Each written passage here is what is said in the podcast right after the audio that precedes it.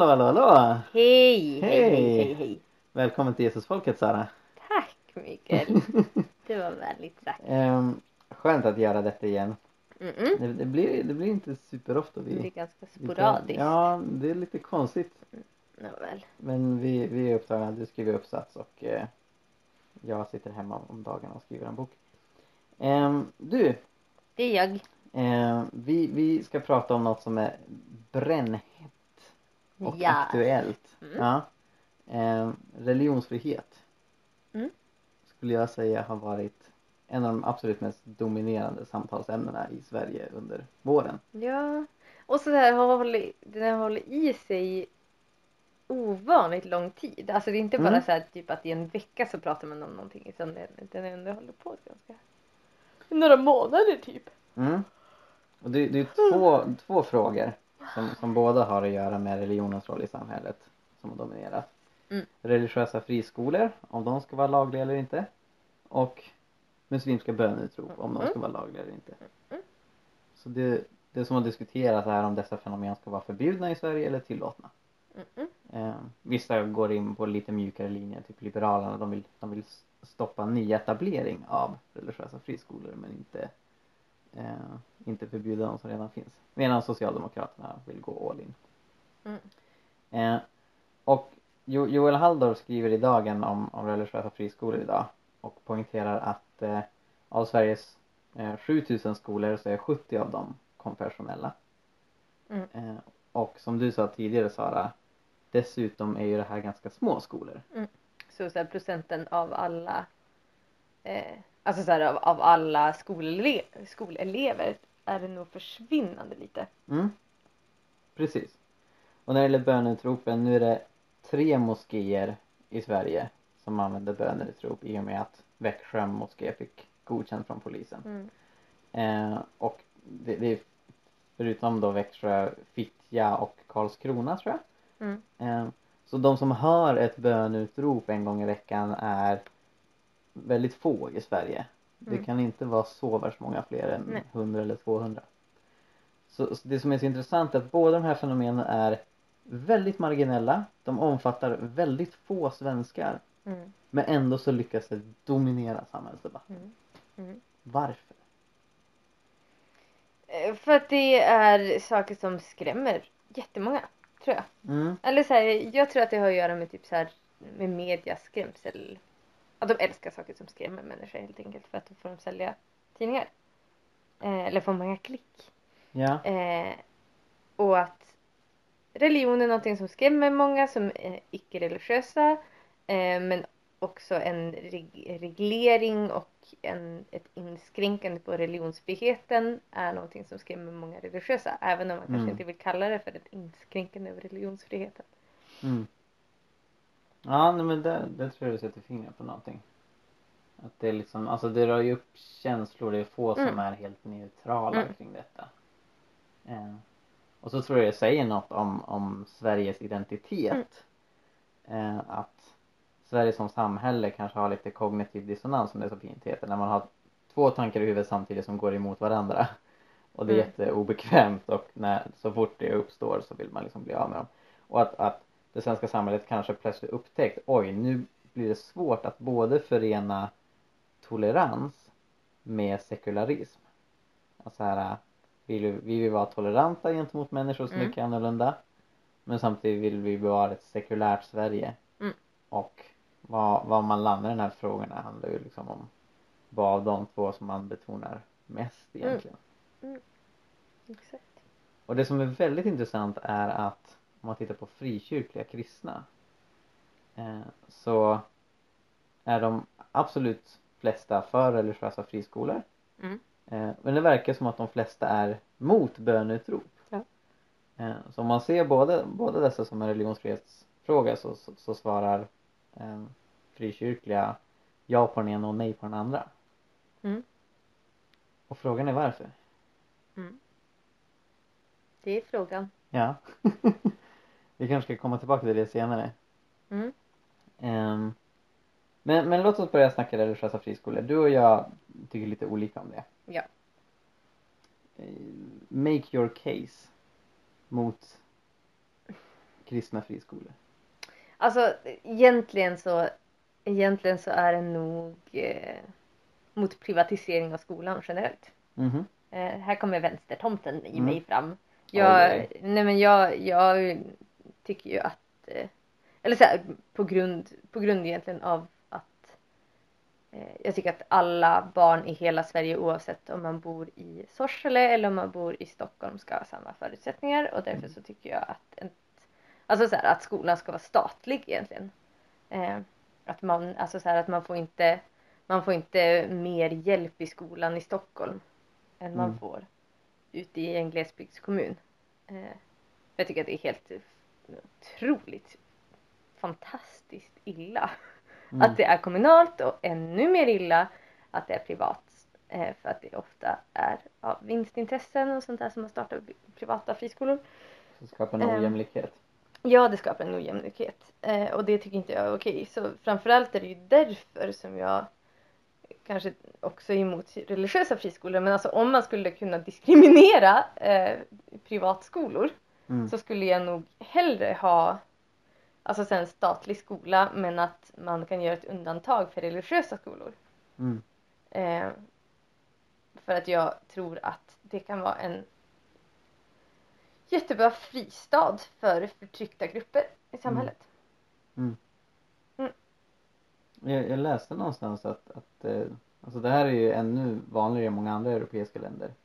Du har varit i Belgien lite Mm. Och där, där tror jag det var typ uppemot 50 procent av skolorna var religiösa, alltså religiöst drivna. Mm. Och, och 70 procent i Nederländerna. Och i England är det ju också väldigt, alltså så här, de skolor som alla vill skicka, till, vill skicka sina barn till är ju Mm. Catholic schools. Ja precis. Eh, för att de har så extremt bra rykte och ger, alltså så här att barnen har så otroligt bra resultat Mm. i katolska skolorna Mm. jämfört med de kommunala. Precis, precis. Så, så ditt perspektiv är så här, du är kritisk till friskolor i allmänhet. Eh, men av friskolor så, så är det inte så att du ser eh, religiösa som extra dåliga utan extra bra. Och det skiljer sig från retoriken nu där från, från vänsters sida så är man kritisk till Mm. friskolor i allmänhet och religiösa i synnerhet. Mm, ja men exakt. Och eh, från, från högerns sida så är man positiv till friskolor men det börjar bli vanligare även där att man pekar ut det men de religiösa, de, Mm. de ska bort. Men samtidigt så tycker jag också, eller så jag, jag undrar alltså vad hade hänt vad hade hänt i min, i min utopi? eller så här, om, om skolan var statlig, om alla gick i vanliga skolor eh, förutom eh, de som ville gå i religiösa friskolor. Eh, så, så här, undrar om det hade alltså, byggt på fördomar ännu mer för att man hade separerat de grupperna. Mm. Eh, och att de som går i vanliga skolor aldrig hade förstått någonting om religiösa. Mm. Vilket jag kan tycka att så redan är fallet nästan. Mm. Mm. eh, även om man har gått i samma skolor. Men eh, ja, jag vet inte. Så här, vad händer om vi isolerar oss? Ja, men, det, men samtidigt tror jag inte att det är risken hela tiden. Eller så här, för jag tänker också att typ, ja, men på små orter, ja, men som där jag växte upp, det är ju inte som om så här, man hade typ typ religiös, typ kristna friskolan i Vindeln. För det hade varit typ så här fem elever eller något. Mm. Eh, mm, så att det här är ju, det här är ju framförallt en stadsfråga. Oh ja. På landet är det ju inte relevant överhuvudtaget för att där får man, får man gå i den skola som bjuds. Vi har ju inget, man Ni har ju ingen ni val. har inget fritt skolval. Nej men det finns ju inget fritt skolval Ja, om man precis. inte har pendlingsmöjligheter till Mm. en annan skola. Mm. Mm. Ja. Och jag, jag förstår vad du säger. Mm. Jag har lite annat eh, perspektiv. Ehm, jag, jag ser verkligen också så här. eh, Det, det skulle bli problem om alla kristna systematiskt bara satte sina ungar i kristna friskolor. Mm. Eh, och, och det är ju något som Socialdemokraterna trycker på. De, de menar att det här skapar segregation. Eh, så är ju inte fallet idag de Nej. facto. Nej, de allra flesta kristna går i, i kommunala skolor. Och eh, rätt många icke-kristna går på kristna friskolor. Ehm, i, gen- generellt så, så när det gäller just kristna friskolor så ehm, klarar elever kunskapskraven bättre där. Mm. Eh, och eh, mobbing tycks vara ovanligare där eh, ganska ofta. Eh, det verkar liksom så här, ja men generellt även när man frågar eleverna så liksom, ja, väldigt många som är nöjda. Eh, så det, det är bra väl fungerande skolor generellt Mm. eh, i Sverige. Mm. Och jag, jag har sagt det flera gånger när vi har pratat om detta, jag är ju lite så här präglad av, av min personliga resa. Jag gick i en kommunal skola, när jag blev kristen så blev jag väldigt mobbad för det. Eh, Mm. Och eh, alltså våldsamt mobbad. Eh, och det var ju verkligen norm och status att vara ateist. Och jag tror att alltså det har stärkt mig, det har hjälpt mig. Jag tror att Gud vände det onda till något gott. Men inte minst på grund av, av den erfarenheten så, så ja, men, vände mig så mycket emot tanken att, att förbjuda kristna friskolor, religiösa friskolor. Eh, eller alltså så här, även muslimska friskolor på grund av den förföljelse och den mobbing och utsatthet som många muslimer kan möta. Mm. Eh, för så här tänker jag. Att jag, jag förstår och respekterar och tycker det är bra med så här missionstanken. Att kristna ungdomar ska finnas ute i, i vanliga skolor. Eh, för att sprida ljusevangelium. Eh, men samtidigt så är barn olika. och och eh, vissa unga kristna som är svagare och mer utsatta och mer osäkra tror jag kan behöva en oas om alternativet finns med Mm. en, en kristen friskola där Mm. risken att du blir mobbad för att du är kristen är så förfärligt mycket mindre. Ehm, så ja, av, av den anledningen så, så vänder jag mig mot tanken att det här ska eh, förbjudas och rent allmänt så här de argument som jag ser för att det ska förbjudas tycker jag är så otroligt dåliga. Ja men verkligen. Ehm, och det finns ju en väldigt intressant skrivelse från, från Europakonventionen som säger att föräldrar har rätt att eh, placera sina barn i utbildningar som respekterar deras religiösa eller filosofiska åskådningar. Mm. Ehm, Men nu i Sverige så har vi ju problemet att barnen tillhör inte föräldrarna. Barnen tillhör LO. Ja, jag, jag skrev ett Mhm. blogginlägg som blev förvånansvärt populärt. Jag hade inte räknat med det. Med, med de fem sämsta argumenten mot religiösa friskolor. Mm. Det du nyss nämnde är nummer tre på den listan. Eh, så det var LO som, som eh, skrev- Claimade alla barn. Ja. De, bara, de är våra! Okej Precis. LO. Så här, så här de, de spred typ en annons på sociala medier när en representant från dem kliver ut ur en bil och så står det Pådyvla inte våra barn föräldrars religion. Och jag undrar hur den kommunikatör eller marknadsförare som fick i uppdrag att liksom sätta samman det här hur, hur, hur de tänkte. Ja fast jag, jag tror att jättemånga sven, alltså sekulära svenskar om man inte tänkt, alltså om de inte har tänkt efter skulle nog eh, hålla med om det här. Bara, ja, ja men det är ju fruktansvärt att barnen påprackar sina föräldrars religion. Ja. Men alltså det hade ju räckt med att de strök våra. Ja, För, för det, liksom, det, blir, det blir så uppenbart bara, hä? Okej, ni har kidnappat alla barn? Är det du försöker säga? Ehm, men, men sen också det här, men det problematiska i att man hela tiden utgår från att ateism är neutralt. Mm. För en annan grej, förutom den här mobbningsgrejen så, så liksom det jag också minns från, från min skolgång var ju att ateism var så självklart i klassrummet. Både från Mm. elever och, och lärare. Och det är skrivits en avhandling om det, hur, hur eh, man utgår från ateism. Vi hade ju ett poddavsnitt med vår vän Mm. Samira som Mm. pluggar till lärare. De går Mm. in på precis det här. Eh, och att man så sällan ser det som pådyvlande och indoktrinering utan det Exakt. ser man Nej men det är ju vetenskap. Men det är inte alls. Det, det, det är ett filosofiskt antagande som man gör när man säger att Gud inte finns. ja men exakt, verkligen. Och så här, ja men som, som det här andra argumentet att skolan ska få barn att tänka, inte tro. Mm. baseras ju helt och hållet på en tro och en fördom om Mm. hur religiösa familjer och religiösa friskolor fungerar. Verkligen. Och det, det var från annan som, som Socialdemokraterna började sprida. Skolan ska få barn att tänka, inte tro. Eh, och så här, äh, när, när, när eh, eh, ledaren för Socialdemokrater för tro och solidar- solidaritet Mm. som har haft det skett om öronen under, dag- under dagarna, Ulf Mm. Bjereld. När han bads kommentera detta i medierna då sa han va? Det där är väl satir, det där är väl skämt. Det där är någon som liksom har gjort en fake annons Mm. Men det är från Socialdemokraterna. Mm.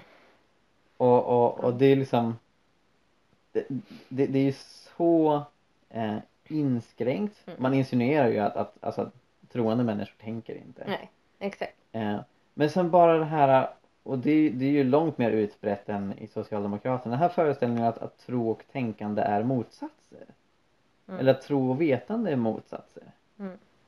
Och, och, och det, det, det funkar inte för det är så mycket av det som vi tror att vi vet som vi inte är 100% säkra på och inte ens kan vara det. Exakt. Alltså, trosföreställningen omfattar nästan allt som vi tänker. Alltså det, det, Mm. det går inte att göra den motsatsen mellan tänkande och tro.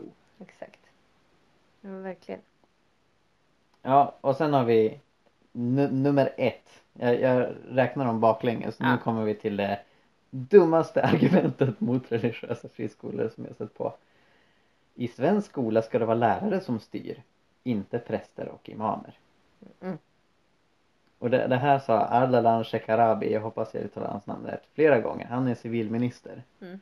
Och han, han var liksom Socialdemokraternas ansikte utåt när de gick ut med, med sitt eh, religiöst friskoleförbud. Eh, Mm. Och jag fattar inte, återigen, hur i hela världen tänkte de när de formulerade en slogan? Mm.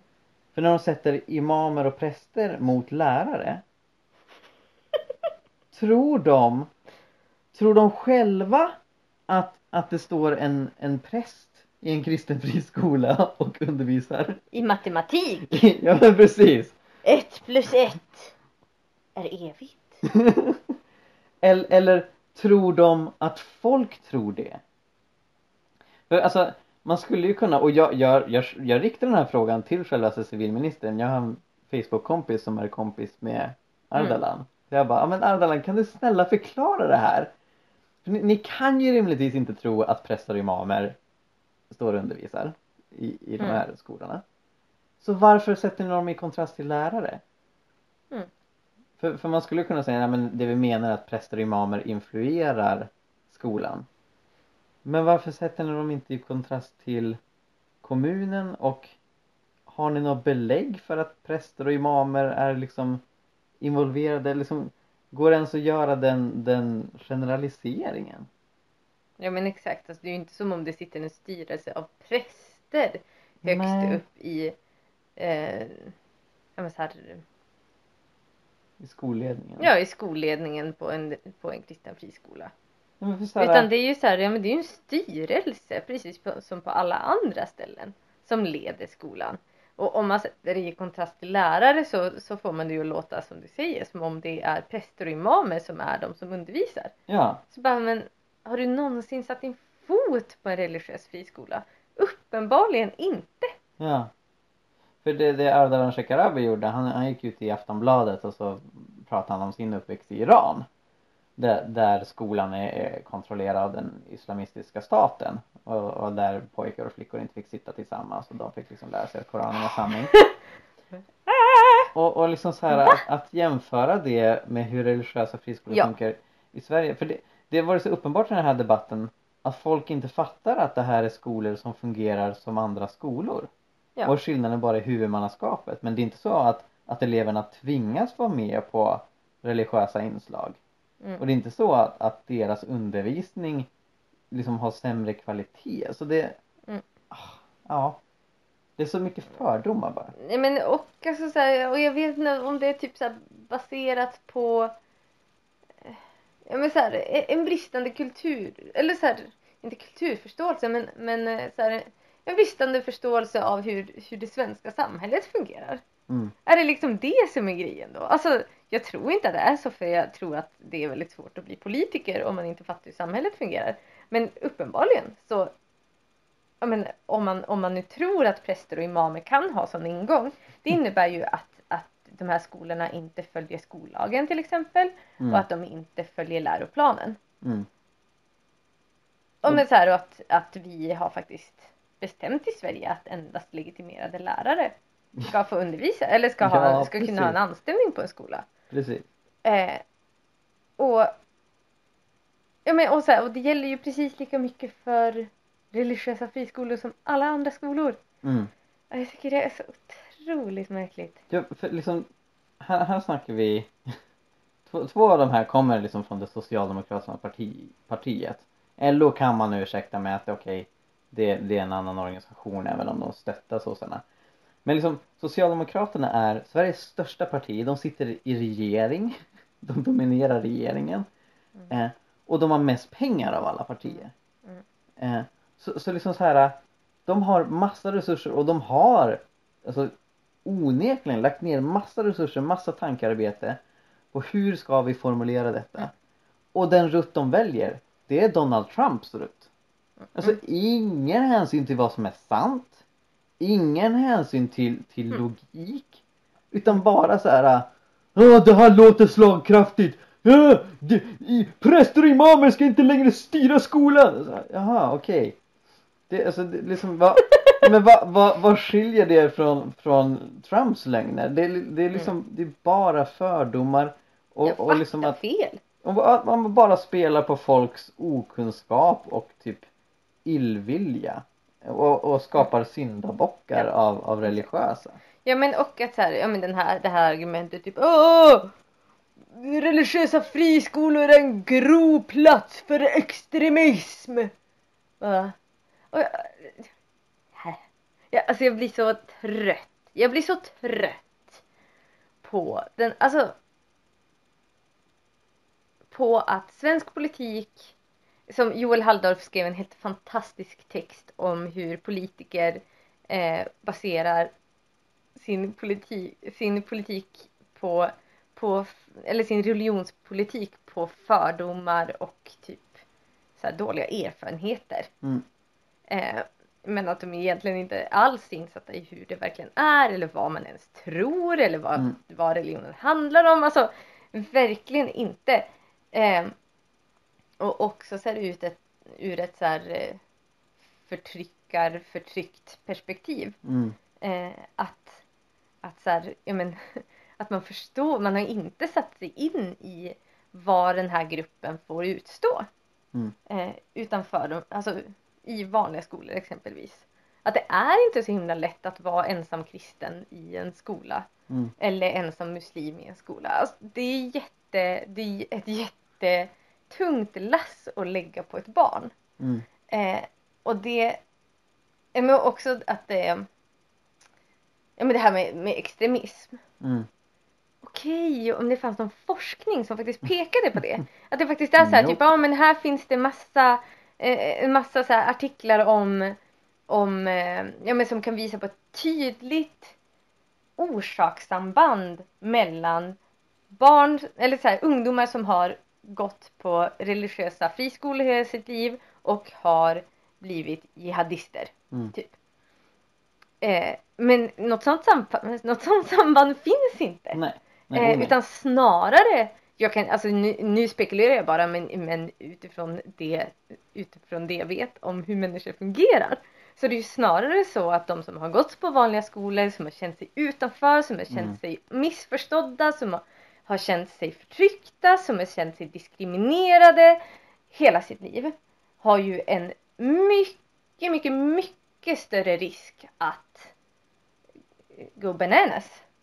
Ja, och, och, det, och det finns forskning som stöder det. För Ja. Tim- Timbro har ju kommit ut med en rapport som kommenterar den här debatten om religiösa friskolor. Mm. De säger det, den här debatten är helt befriad från forskningsunderlag. Ja. Det, det är bara fördomar och myter som folk Ja. slänger runt med. Men när man tittar på forskningen, som inte är jättestor tyvärr, eh, men, men så finns det ingen som helst stöd för vare sig att religiösa friskolor skulle odla extremism eller segregering.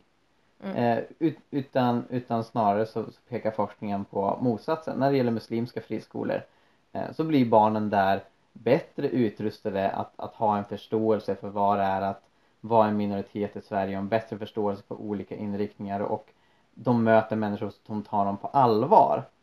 Medan då eh, men forskning till exempel visar, som jag nämnde tidigare, den här avhandlingen om, om hur man pra- pratar om religion i vanliga kommunala skolor. Mm. som, som något som tillhör psykiskt sjuka, som någonting som tillhör folk som är dumma i huvudet, som något som är gammaldags, som folk inte längre tror på. Mm. Och är det som att, att det skulle vara en bättre situation för människor för, Mm. för att undvika eh, segregering och extremism. Det, det, det, är ju, det är ju löjligt. Så att, Mm. ja. Men och sen också så här, var drar man gränsen till en religiös friskola har man ju heller inte pratat särskilt mycket om. Men så här, verkligen. Waldorfskolor exempelvis som, som eh, baseras på antroposof- antroposofin. Mhm. Och eh, judiska skolan i, i Malmö säger att vi är inte religiösa. Vi är, en, vi är en judisk skola men vi är inte en religiös skola. Så det, och, det, och det har ju med problematiken med religionsbegreppet överhuvudtaget. Mm. Att så här, nationalencyklopedins eh, definition av religion är att det är ett ord som inte går att definiera. Ungefär. Mm. Så det, Okej. det är liksom, ja. Mm. Men, men ska vi hoppa vidare till bönutropen? Mm. Ehm, som sagt så, så de allra flesta eh, kristna ställer sig bakom eh, att religiösa friskolor ska finnas och, och tar spjärn mot det här ja, men, sekularistiska trycket. Och, och eh, argumenterar på ett ja, men, ganska bra sätt tycker jag på, för religionsfrihet.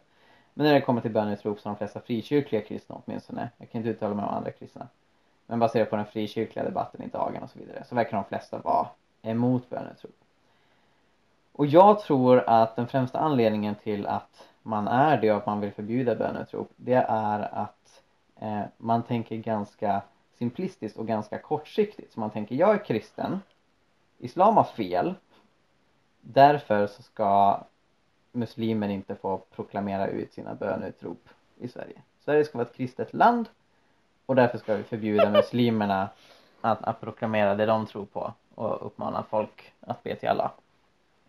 Eh, och för mig så är det att tänka ungefär en centimeter. Mm. Ehm, Ja fast så här.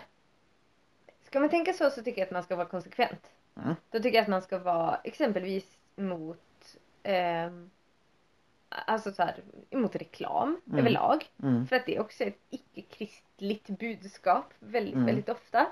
Eh, som som så här proklameras ut över så här, typ i, i varenda, varenda människas hem och typ på Mm. gatan och överallt. Men det har man absolut inga problem med.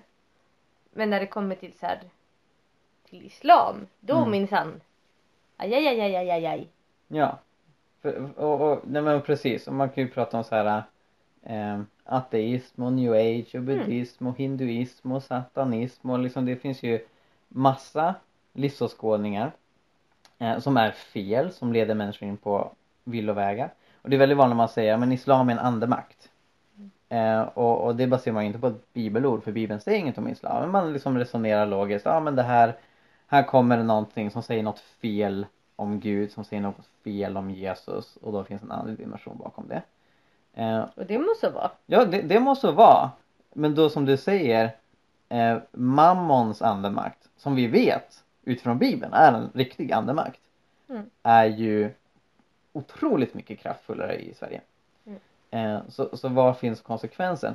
Och grejen är att om man är konsekvent och eh, man förbjuder islam att förkunnas, man förbjuder kapitalismen att förkunnas, man förbjuder ateismen och buddhismen och all, alla andra ismer än kristendomen.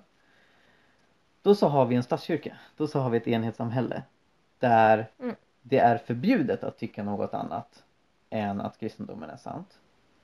Och det tycker jag är en värre situation än scenariot alla är kristna för att de vill följa Jesus. Mm. Så, så det jag har försökt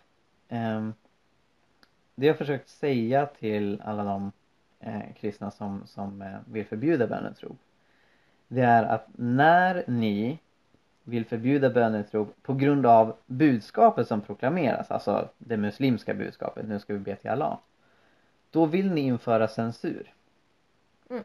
Eh, Då vill ni att den ateistiska sekulära staten eh, ska avskaffa yttrandefriheten och börja bestämma det här får sägas i högtalare och det här får inte sägas. Eh, Och då är det många som svarar nej, jag vill inte ha censur, jag vill bara förbjuda bönutrop eller så här, det här har inte med religionsfrihet att göra utan, utan det, här, det här ska bara bort för det, det är mot Guds vilja. Och då försöker jag återigen säga, nej men om du vill förbjuda ett budskap vad den är på grund av det budskapets innehåll då förespråkar du censur. Ja men alltså grejen är att, alltså så här, att det, det finns, alltså det finns inget annat sätt att göra det på rent praktiskt. Ja, jag håller Nej, inte nej, riktigt nej med. men det jag menar är, alltså så här, ska man bara förbjuda eh, Nej men så här, ska, vill man förbjuda vissa specifika budskap ur högtalare och Ja. andra inte förbjuda Ja. så är den enda möjliga liksom lagstiftningen är en censur. Ja, alltså det, det, precis. Det är Ja. det per definition. Och, det, och det förutsätter att vi först går in i grundlagen. Ja. Och, och den här obekväma grundlagen om att envar i Sverige har rätt att uttrycka sina åsikter offentligt. Den måste bort. Mm. Och, och, och det är det som också gör det så problematiskt för det är många som, som pratar om detta. Är det religionsfrihet eller inte med, med, med böneutrop? Det är yttrandefrihet med böneutrop. För, för så fort du säger eh, du, du får proklamera ehm, ICA har, har eh, billig glass just nu i en högtalare men du får inte proklamera be till Allah eller be till Jesus eller whatever. Eh, då så har du inte längre yttrandefrihet i landet. Nej. Och vi, vi har ju redan vissa restriktioner. Så vi har till exempel hets mot folkgrupp. Det är också en restriktion på yttrandefriheten. Mm. Ehm, men det går inte att argumentera för att böneutropet i sig är en hets mot folkgrupp. Även om det finns folk som säger att ja, allt, all, all islam är som nazism för att liksom, muslimer bör bara utrota oss alla.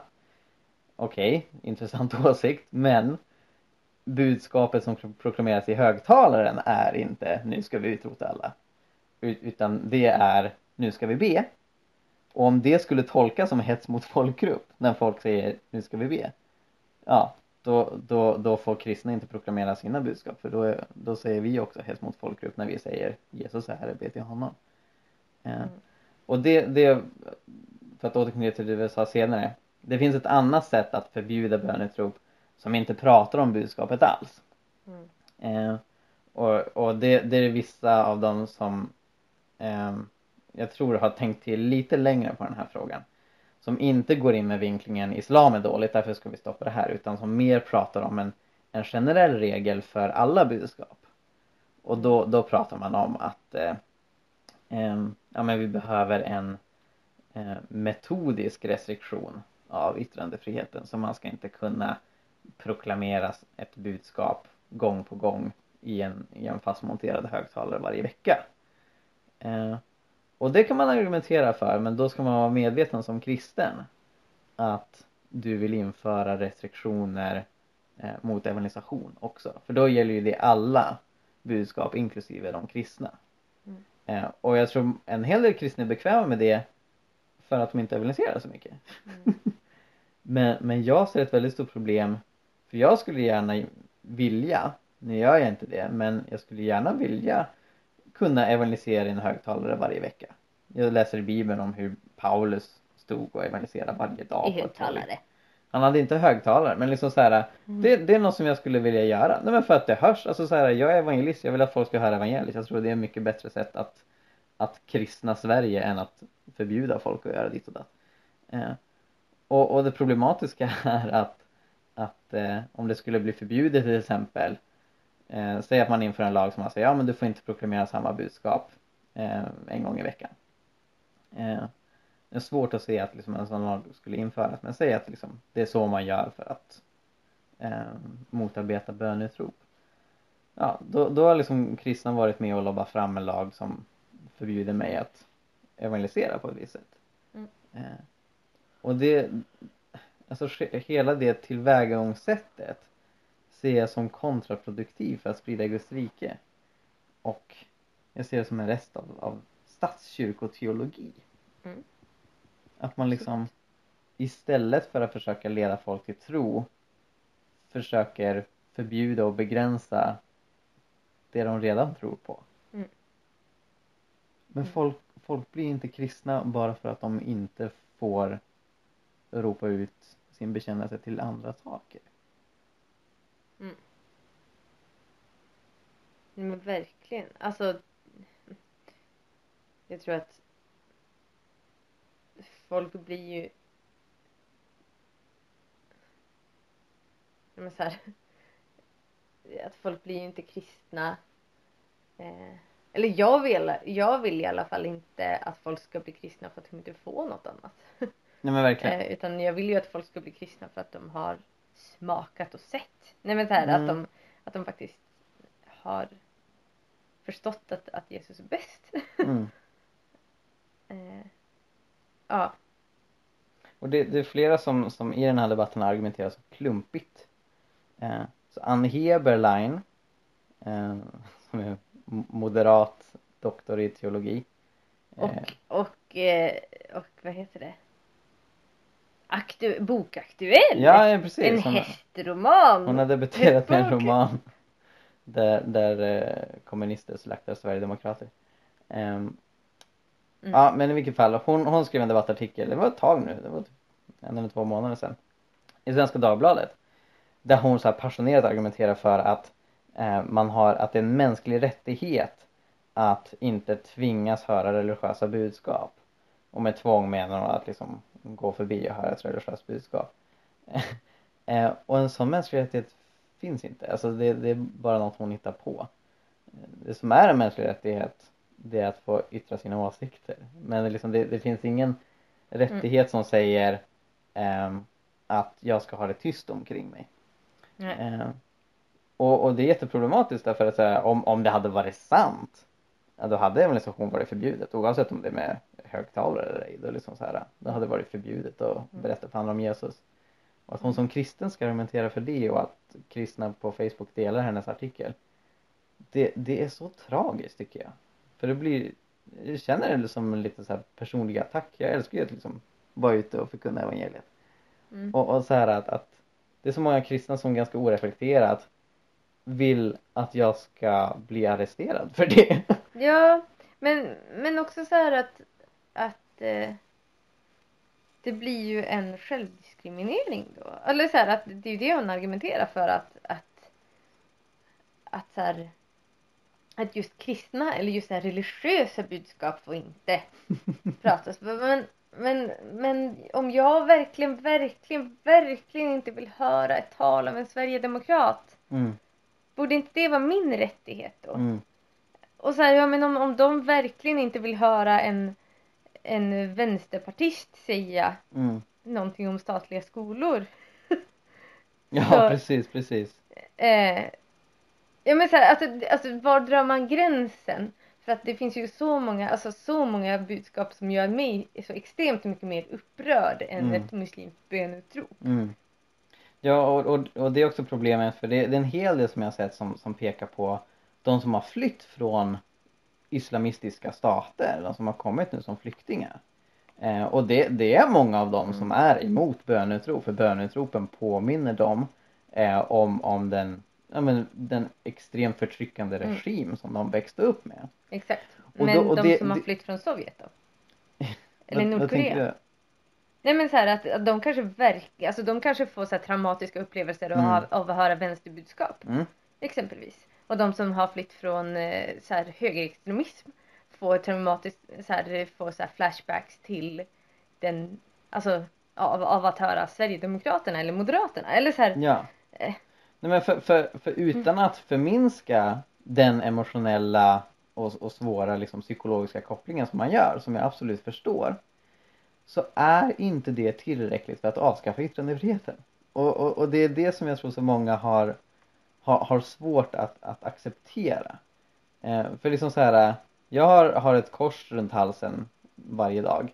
Eh, och det kom fram en man till mig ändå och sa att han var jätteupprörd för det. För det fick honom att tänka på antisemitism och, och hakkors. Eh, och, och det är liksom en märklig tolkning förstås. Men så här, folk som blir upprörda av det vi säger eller gör finns alltid. Och det i sig är inte tillräckligt anledning att införa en auktoritär regim som ska censurera vissa budskap. ja, men, Så man behöver någon mer för att argumentera för ett sånt. ja men så här, och om det faktiskt, okej om man kunde påvisa forskning som som sa att så här, 90% av Sveriges befolkning har traumatiska upplevelser i samband med böneutrop. För att 90% av Sveriges befolkning har någon gång blivit kidnappade och spelat bönutrop i öronen medan de blev kittlade. Eller så här, eh, att om, om det hade varit så så hade jag förstått. Mm. Men nu är det en väldigt, väldigt, väldigt liten del av Sveriges befolkning. Och i så fall ska man också förbjuda att gå ut och gå med sin hund. Mm. För att det finns jättemånga som har traumatiska upplevelser kring hundar. Alltså, Mm. eller typ att man ska förbjuda män att vara ute på gatorna för att det finns Mm. hur många kvinnor som helst. 50% av Sveriges befolkning har traumatiska upplevelser från, från eh, män. Alltså, Mm. det blir så otroligt orimligt om det ska vara skäl nog att faktiskt ändra grundlagen. Ja, verkligen. Verkligen. alltså Exakt det, så. ja. Ja. Ja, vi, vi närmar oss slutet. Um, när, oss tidens slut. Och poddens slut. Mhm. Ehm, men vi ska citera Bibeln. Ehm, för ett ord som jag kommer att tänka på som, som eh, jag tycker sätter fingret på ehm, hur vi i vårt tänkande skiljer oss från de som vill förbjuda böneutrop framförallt. Um, det är andra Korinthierbrevet 10, vers 3-5. Och där skriver Paulus För även om vi lever i världen strider vi inte på världens sätt. Vapnen vi strider med är inte kötsliga utan har kraft från Gud att bryta ner fästen. Ja, vi bryter ner tankebyggnader och allt högt som reser sig mot kunskapen om Gud. Det här är ett av, av de mindre kända pacifistiska eh, bibelorden i, i Nya Testamentet. Alltså det, det ord som Paulus använder där för strida är samma som att för att kriga. Så han säger liksom, ah, men vi kristna, vi, vi krigar inte, vi använder inte våld. Och det han pekar på att vi använder istället, det är ju att eh, bryta ner tankebyggnader. Så med eh, argument och förkunnelse eh, Och ta- bön. och bön, liksom så här med andliga vapen ta ner de, de tankar som sätter sig upp mot Kristus. Eh, och det, det tycker jag pekar så tydligt på hur, hur den, den, den bibliska metoden för att förändra samhällen skiljer sig från den statskyrkliga tvångsteologin som med våld och förbud och statsmakt försöker forma människor till att tycka rätt. Och, och det Bibeln trycker på att nej, vi ska inte använda oss av det utan vi ska använda oss av ord och bön och tankar eh, för att föra människor till Jesus. Och det är så vi förändrar samhället. Eh, och det är så mycket bättre tillvägagångssätt både för att omvända muslimer till Jesus och för att omvända socialdemokrater från eh, religionsfobi till religionsacceptans. Mm. Tack! Tack själv Sara! Vad skönt att vi nästan var överens. Även om vi tyckte lite olika också. Mm. Mm. För ovanlighetens skull så var vi nästan överens. Ja, men vi måste köra en debatt igen. Våra, våra lyssnare gillar Vad debatter. har vi att debattera om? Jag vet inte. Vi kan debattera om hjortron är gott. Till exempel. Ja men det... Mm. Ja. Vi kan debattera om vilket är som är det sötaste djuret! Mm. Anka. Katt. Jag trodde du skulle säga bäver. Okej, men eh, ha det gott alla lyssnare. Så hörs vi igen. Ja! Hej då! Hejdå.